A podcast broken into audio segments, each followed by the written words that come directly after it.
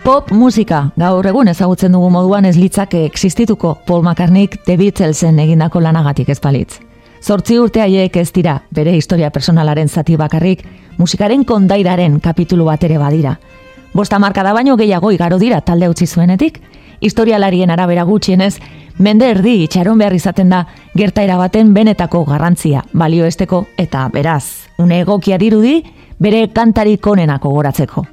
2008 batean, The Lyrics liburuan McCartneyk berak egin zuen moduan, alfabeto ordena jarraituko dugu. Aizki zazten da, All My Lovin'. Close your eyes and I'll kiss you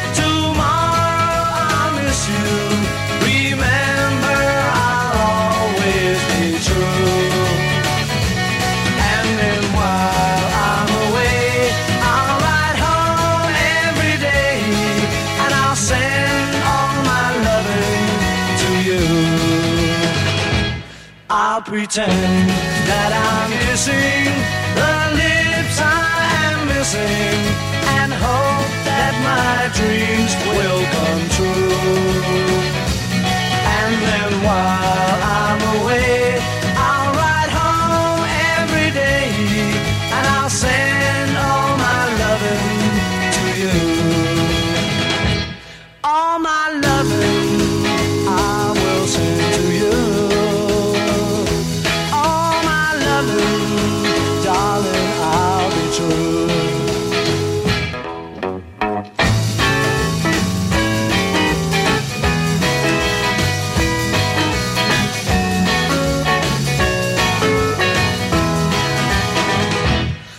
close your eyes and I'll kiss you. Tomorrow I'll miss you. Remember I'll always be true. And then while I'm away I'll ride home every day. Polek mila bederatzerun da irurogeita iruan Jane Asher bere neskalagunari idatzi zion maitasun kanta hau etzen inoiz single moduan kaleratua izan Baina estatu batuetara iritsi zirenean, The Ed Sullivan Show saio arrakastatzuan kantatu zuten, eta telebista aurrean zeuden irurogeita amairu milioi ikusleek betirako goratuko zuten. Makak normalean musika konposatu ondoren idazten zuen letra, baina kasu honetan alderantziz izan zen eta hitza musikaren aurretik sortu zuen. Orain, beizkiarekin Blackbird. Blackbird singing in the dead of night Take these broken wings and learn to fly all your life. You were only waiting for this moment to arise.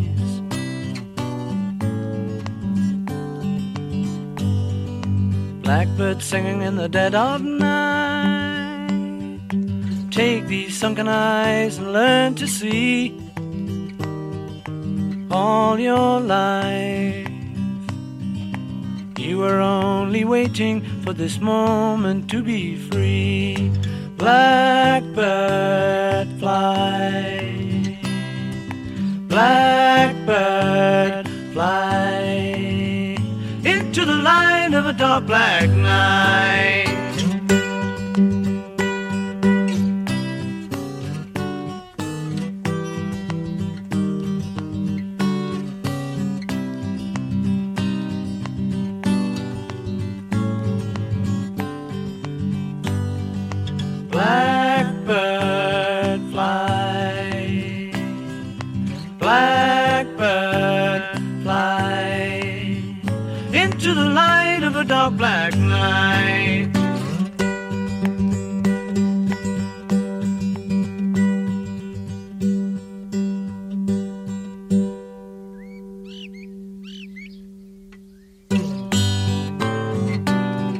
Paul McCartneyren kantarik politikoenetakoa da Blackbird. Irratian entzun da irurogeita sortzian Little Rock Alabama bizizuten arrazakeriaz, jakin zuenean idatzi zuen.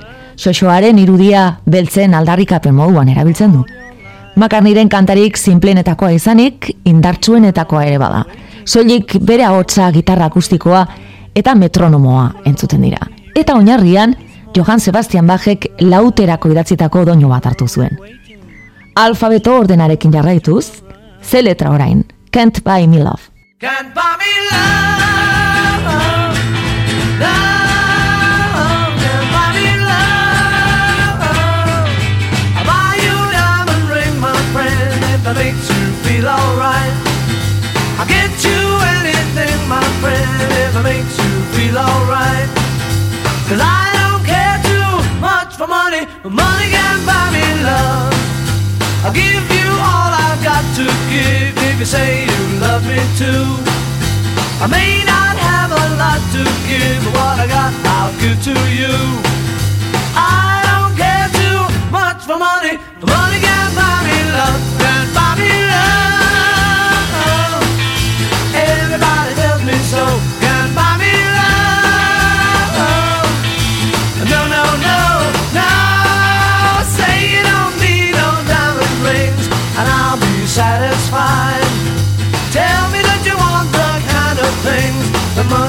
money can't buy. I don't care too much for money.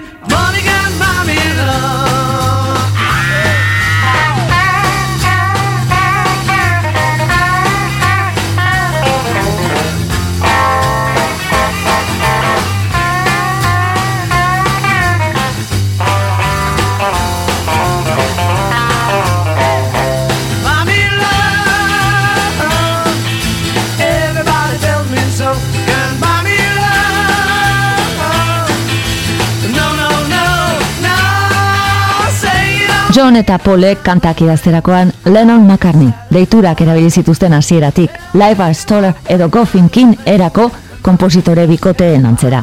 Famatu egin zirenean, kontzertuetarako materiala falta zitzaiela, konturatu ziren, eta elkarrekin egunean kanta berri bat idaztekotan gelditu ziren. Can't Buy Me Love esaterako Parisko hotel batean idatzi zuten mila bederatziren da irurogeita lauean.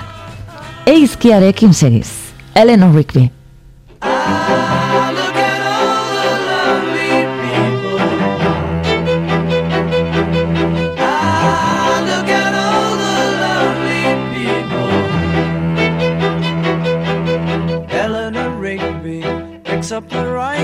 Church where a wedding has been.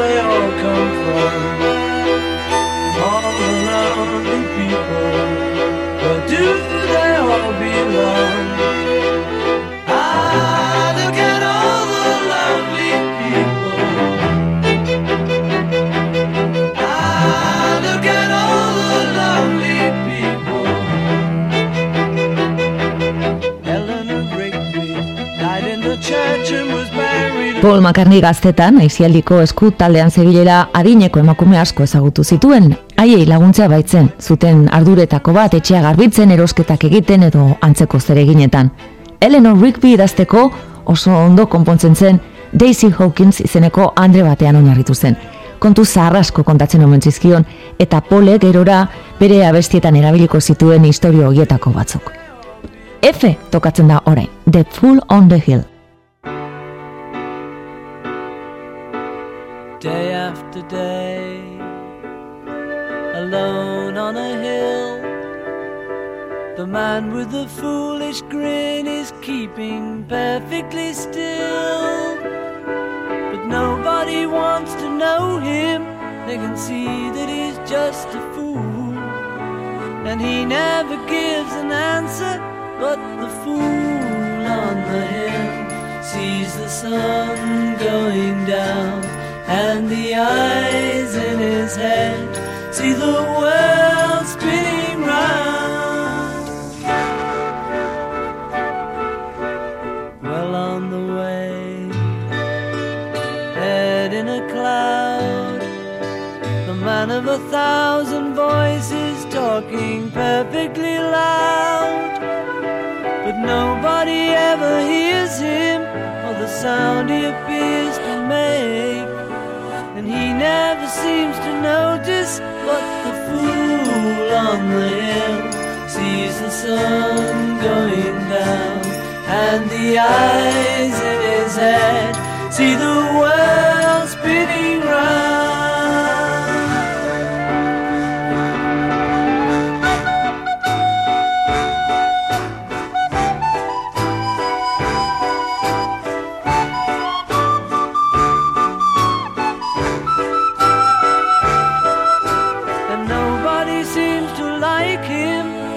Tell what he wants to do. And he never shows his feelings, but the fool on the hill sees the sun going down. And the eyes in his head see the world spinning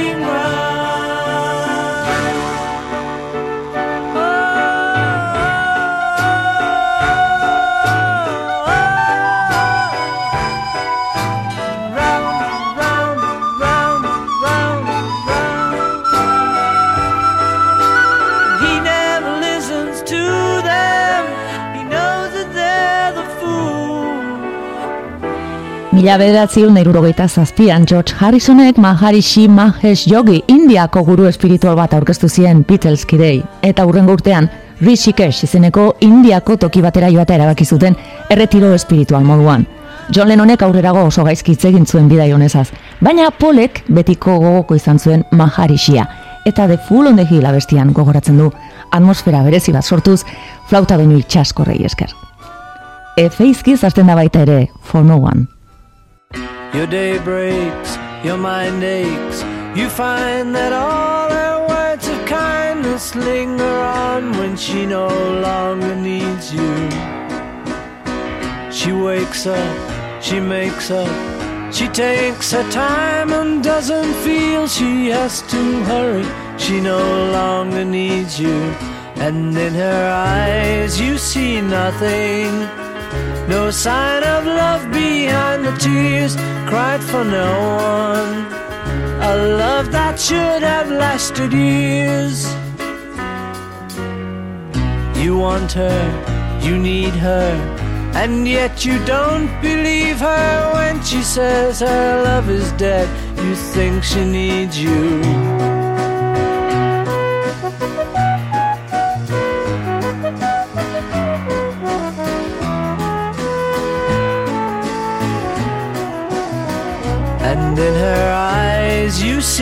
Nothing. No sign of love behind the tears cried for no one. A love that should have lasted years. You stay home, she goes out. She says that long ago she knew someone, but now he's gone, she doesn't need him. Jane Asher neskalagunarekin Suitzan eskiatzen zegoela idatzi zuen For No One, mila bederatzion eta irurogeita zeiko maiatzean. Maitasun historio baten bukaera da, Janek harremanarekin etzuela jarraitu nahi konturatu baitzen. Doinuari dagokionez, Beatlesen pop barrokoaren bidea hasi zuten, Paul McCartney jotzen dituen klabikordioaren eta tromparen boldak eta zoragarriaz. G letrarekin ditugun hiru abestitatik lehenarekin goaz. Get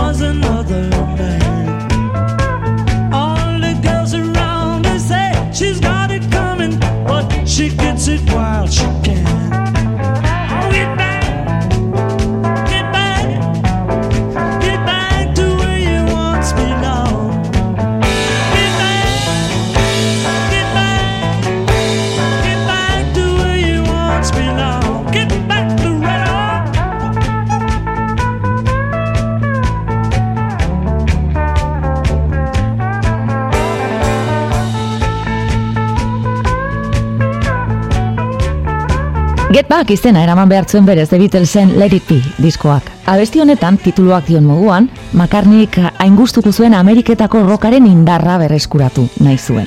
Billy Preston, organo jolearen laguntza paregabea izan zuten. 2008 bateko Peter Jacksonen Get Back dokumentalean ondo azaltzen den moduan. Once there was a way to get back Golden Slumbers, Polek aitaren etxean pianoa jotzen ari zela idatzi zuen. Artean etzekien musika irakurtzen, baina mila seireunda iruko partitura batean ikusi zuen, letrari bere musika jarri zion. Aurretik idatzita zituen Carry That Weight eta The End erantziz sortuko zuen Abbey Road diskoko medlia lan honi rock sinfoniko kutsua emanez.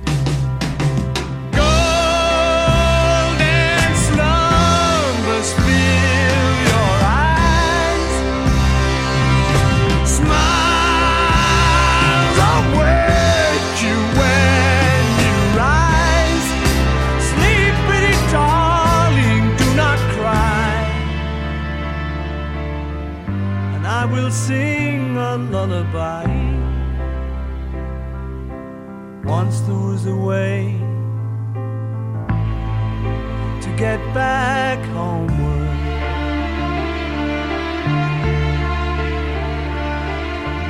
Once there was a way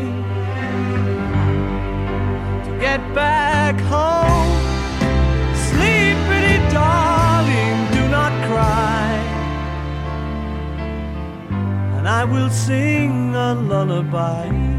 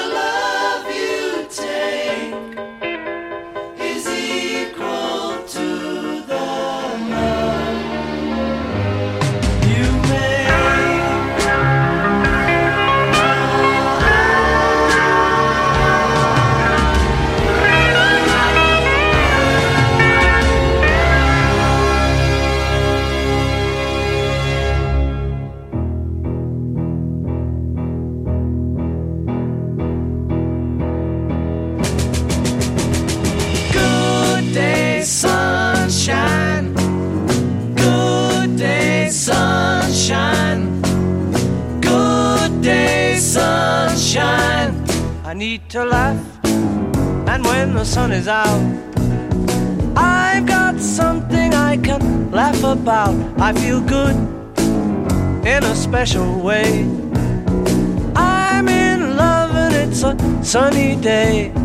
Good day, sunshine. Good day, sunshine. Good Day Sunshine, John Lennonen kenbudeko etxean idatzi zuen mila bederatziun eta irurogeita zeian. Egun eguzkitsua zen eta bolada hartan udagiroko zenbait kanta ospetsu kaleratu ziren. Loving Spoonfulen, Sama in the City, edo tadekin zen Sunny Afternoon, eta zerbait eguzkitsua sortzen saiatu zen. Music Holaren tradizio koloretsua jarraituz. Good day, sunshine. Good day, sunshine. Then we lie beneath a shady tree. I love her and she's loving me. She feels good. She knows she's looking fine. I'm so proud to know that she is mine. Good day, sunshine. Good day, sunshine. Good day, sunshine. Day, sunshine. Good day, sunshine. Good day, sunshine. Good day, sunshine. Sunshine.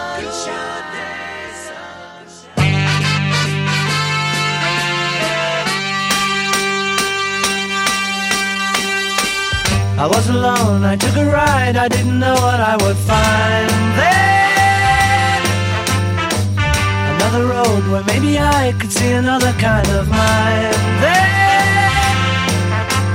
Ooh, then I suddenly see you. Ooh, did I tell you I need you every single day of my life? You didn't run, you didn't lie, you knew I wanted just to hold you. Had you gone, you knew in time we'd meet again, for I had told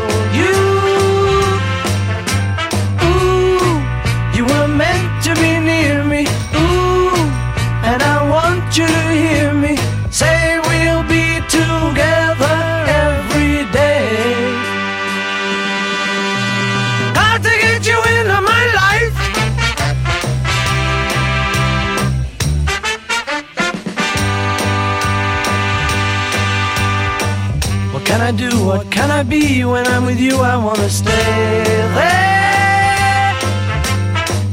If I'm true, I'll never leave, and if I do, I know the way there. Ooh, and I suddenly see you. Ooh, did I tell you I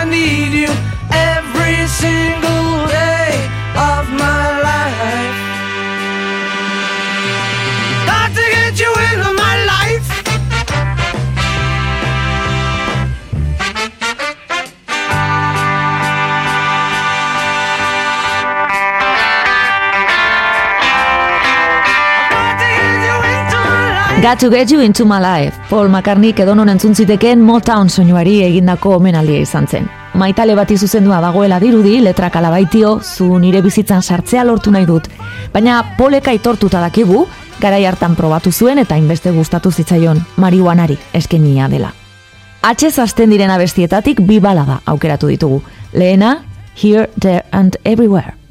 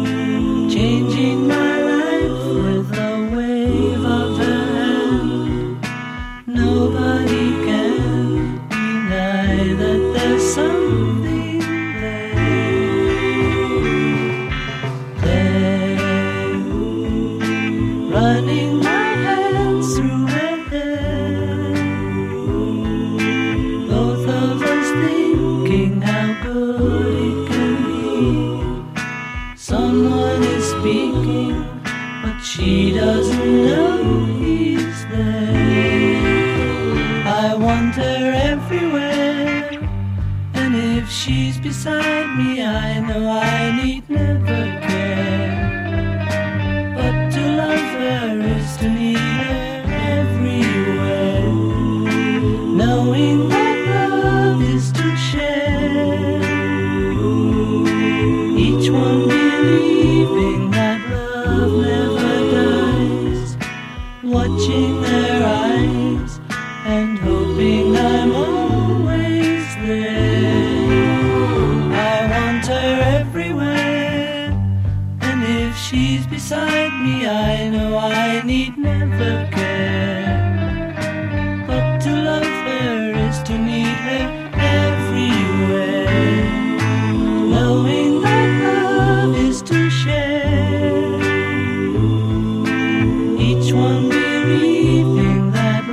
Polek idatzitako abestietatik John Lennonen gustukoena zen, Here, There and Everywhere. Johnek bere kanta guztietatik gora ipatu zion bakarra nonbait. Beren eskalaguna buruan zuela idatzi zuen hau ere, eta musikari dagokionez Paul McCartneyk momentua hartan gogo kontzuen talde hartu zuen erreferentzi modura, Beach Boysen, God Only Knowsen inspiratu zen. H izkiz hasten da baita ere The Beatlesen hit handi hau. Hey Jude, McCartneyren abestirik borobilenetakoa. Hey Jude,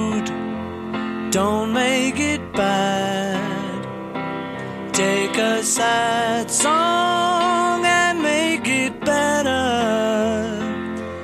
Remember to let her into your heart. Then you can start to make it better. Hey Jude. Don't be afraid. You were made to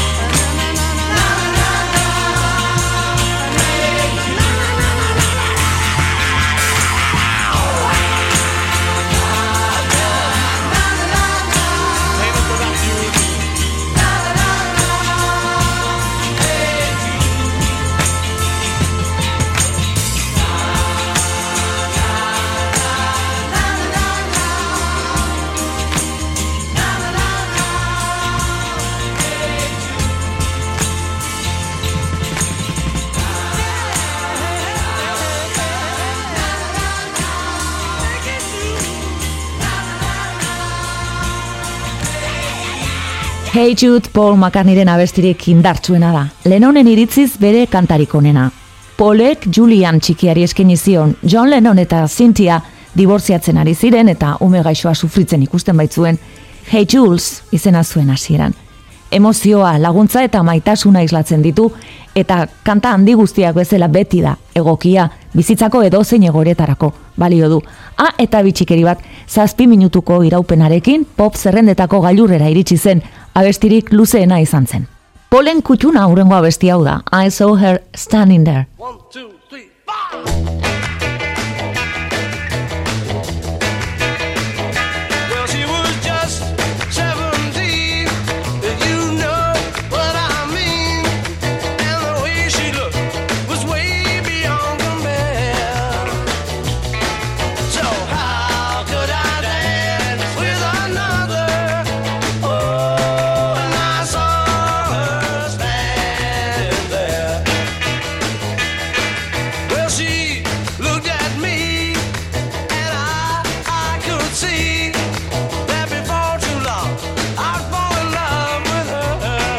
I saw her standing there, Polek bere kantarik gustukoena aukeratu zuen. Mila bederatzireun da irurogeita biko udazkenean John eta biek txikarra egin zuten egun batean idatzi zuten, Polen etxean, konposatu zuten.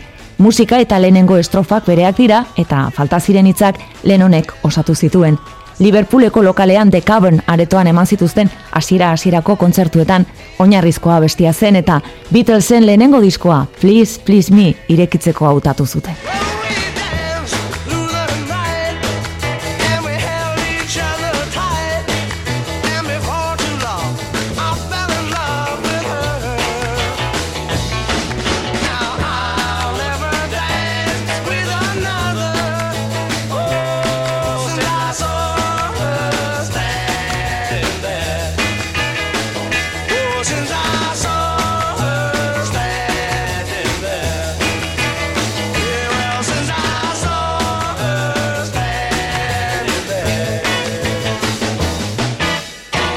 Ele izkira salto egingo dugu. Elearekin hasten da Let It Be, baina baita aurretik entzungo dugun Lady Madonna hau ere.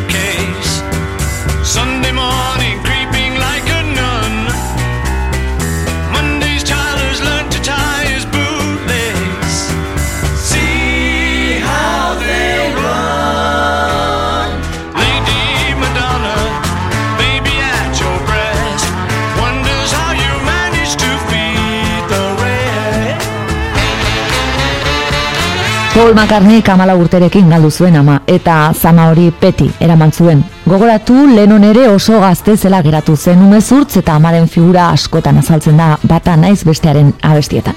Lady Madonnan esaterako. Musikari dagokionean, bi urtez psikodeliarekin esperimentatzen ibili ondoren, rollaren sustraira itzultzeko naia nabarmentzen da, McCartneyren kanta honetan.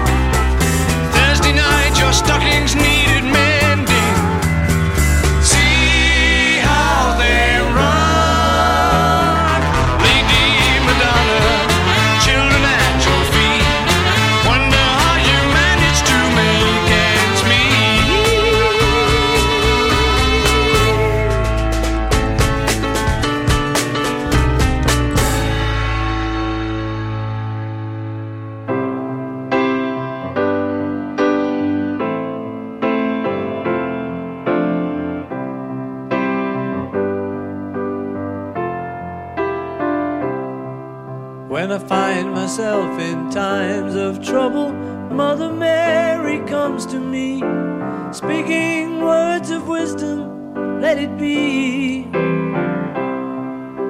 And in my hour of darkness, she is standing right in front of me, speaking words of wisdom, let it be.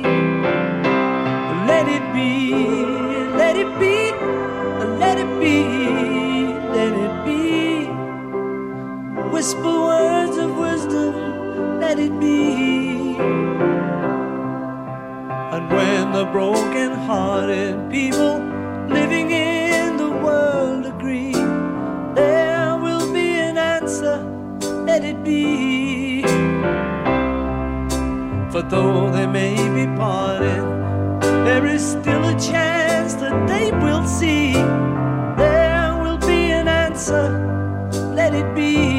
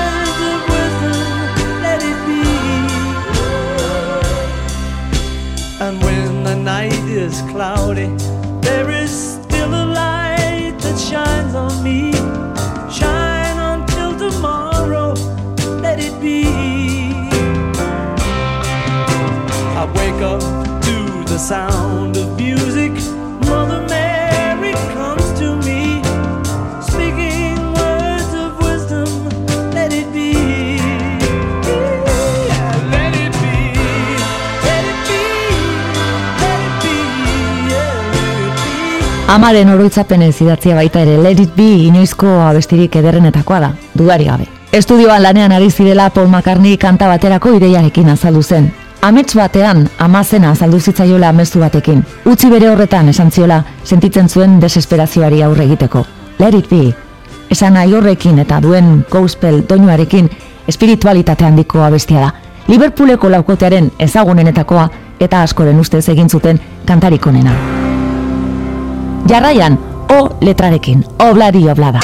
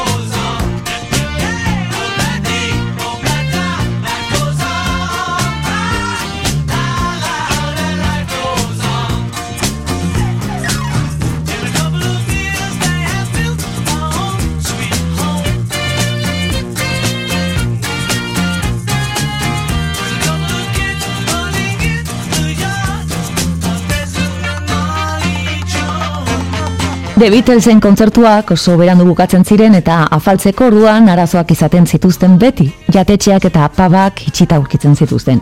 Klubetara joaten hasi ziren eta bertan jaten zuten zerbait. Behin batean, McCartneyk Nigeriako Jimmy Scott perkusionista ezagutu zuen, eta ark erakutsi zion, obladi oblada, life goes on, bra, esaldia. Honela sortu zen, Jamaica Ska Reggae kutsua duen kanta humoretsua.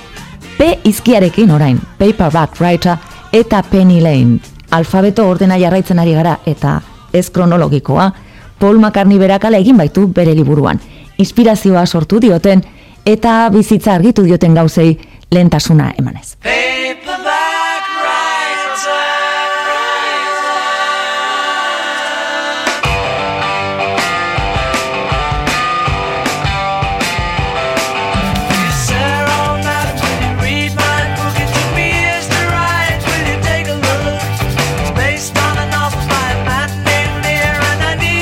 Hasierako kanta guztiak amodiozkoak ziren She loves you, from me to you, thank you girl, eta abar. Izeba lilik behin aspertuta makarniri zera galdetu zion arte.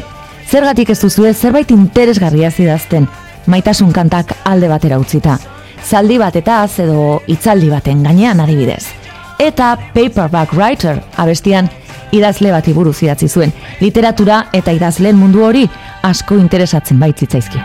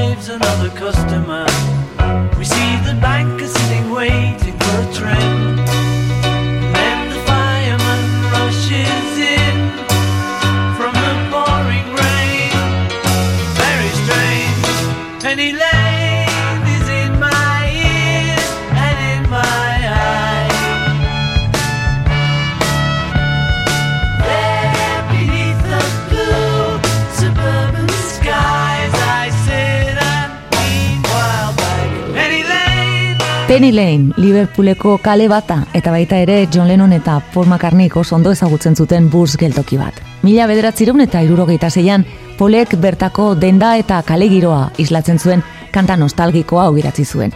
Gainera, telebistan entzun zuen, David Mason, trompetista barroko ospetsua gonbidatu zuten, eta horrela osatu zuten The Beatlesen kantarik ezagonenetarikoa. Erre izkiz hasten da Rocky Raccoon. Somewhere in the black mining hills of Dakota there lived a young boy named Rocky Raccoon. And one day his woman ran off with another guy. Hit young Rocky in the eye. Rocky didn't like that. He said, I'm gonna get that boy. So one day he walked into town, booked himself a room in the local saloon. Rocky Raccoon checked into his room only to find Gideon's Bible. Rocky had come equipped with a gun to shoot off the legs of his rival. His rival, it seems, had broken his dreams by stealing the girl of his fancy.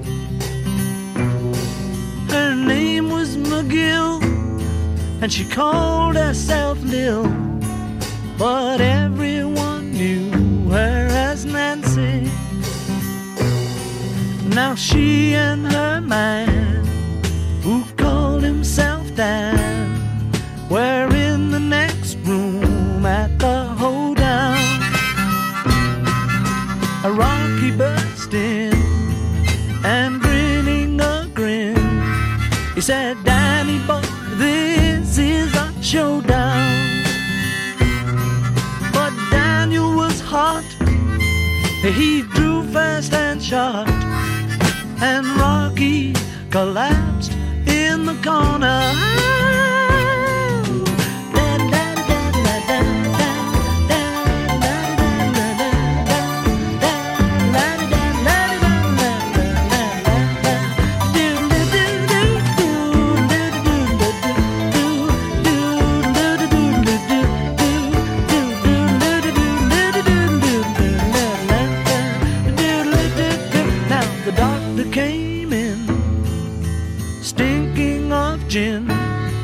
Proceeded to lie on the table.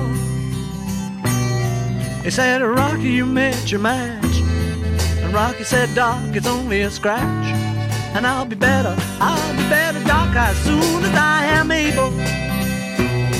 And now Rocky Raccoon, he fell back in his room, only to find Gideon's Bible. Rocky Raccoon, McCartneyk Indian sortu zuen country estiloko kanta umoretsu bata. Estatu batuetako musika bakeroa rock'n'rolla bezain garrantzitsua izan zen The Beatlesen gaztetako urtetan, eta tarteka beti konposatu izan zituzten sustrai hori zuten abestiak. George Martin ekoizlearen Honky Tonk pianoa gainera ukitu country hori nabarmendu egiten du. Askotan leporatu izan zaio McCartneyri kompositore poperoa soilik zela, baina kanta honekin ikusten dugu era guztietako doinuak idazteko gai zela. V bikoitza izkiz, When I'm 64.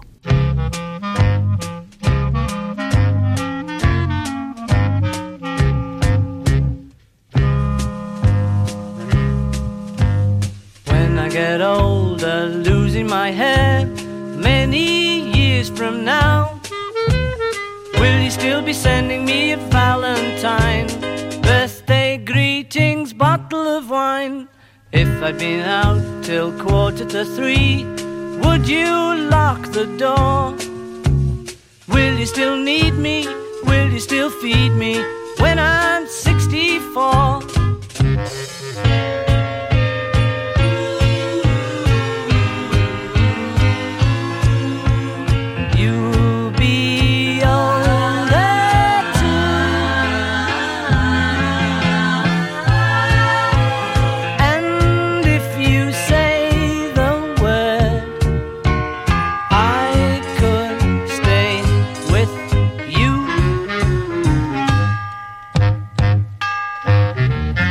I could be handy mending a fuse when your lights have gone.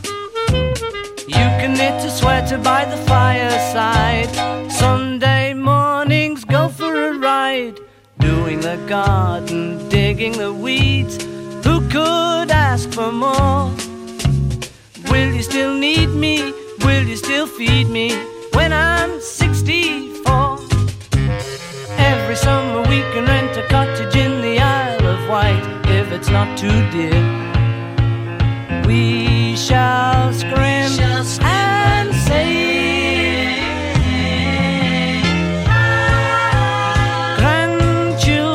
on your knee. Paul McCartneyk When I'm 64, irurogeita lau urte ditudanean, amala urte zituela idatzi zuen, eta hogeita lau urterekin The Beatlesen diskorik ezagunenean, Sgt. Peppersen kaleratu zuten. Batzuk diotenez idatzi zuen bigarren konposizioa izan zen hau.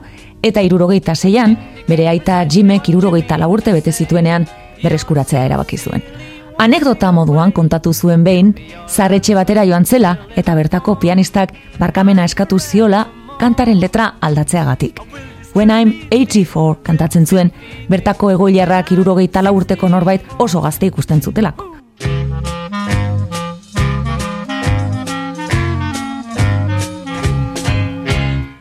Y-koa azkenik, yesterday.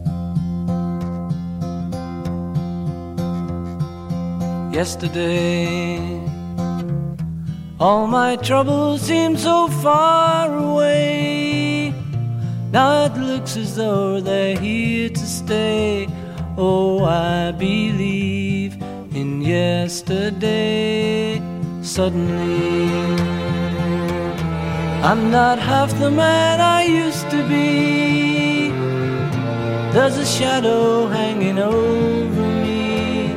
Oh, yesterday came suddenly.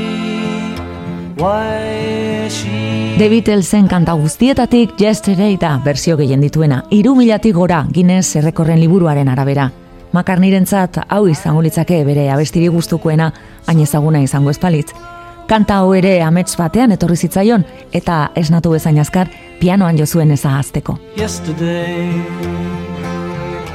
Love was such an easy game to play. I need a place to hide away. Oh, I believe in yesterday. Why she had to say. I said something wrong. Now I long for yesterday. Yesterday, love was such an easy game to play. Now I need a place to hide away. Oh, I believe in yesterday.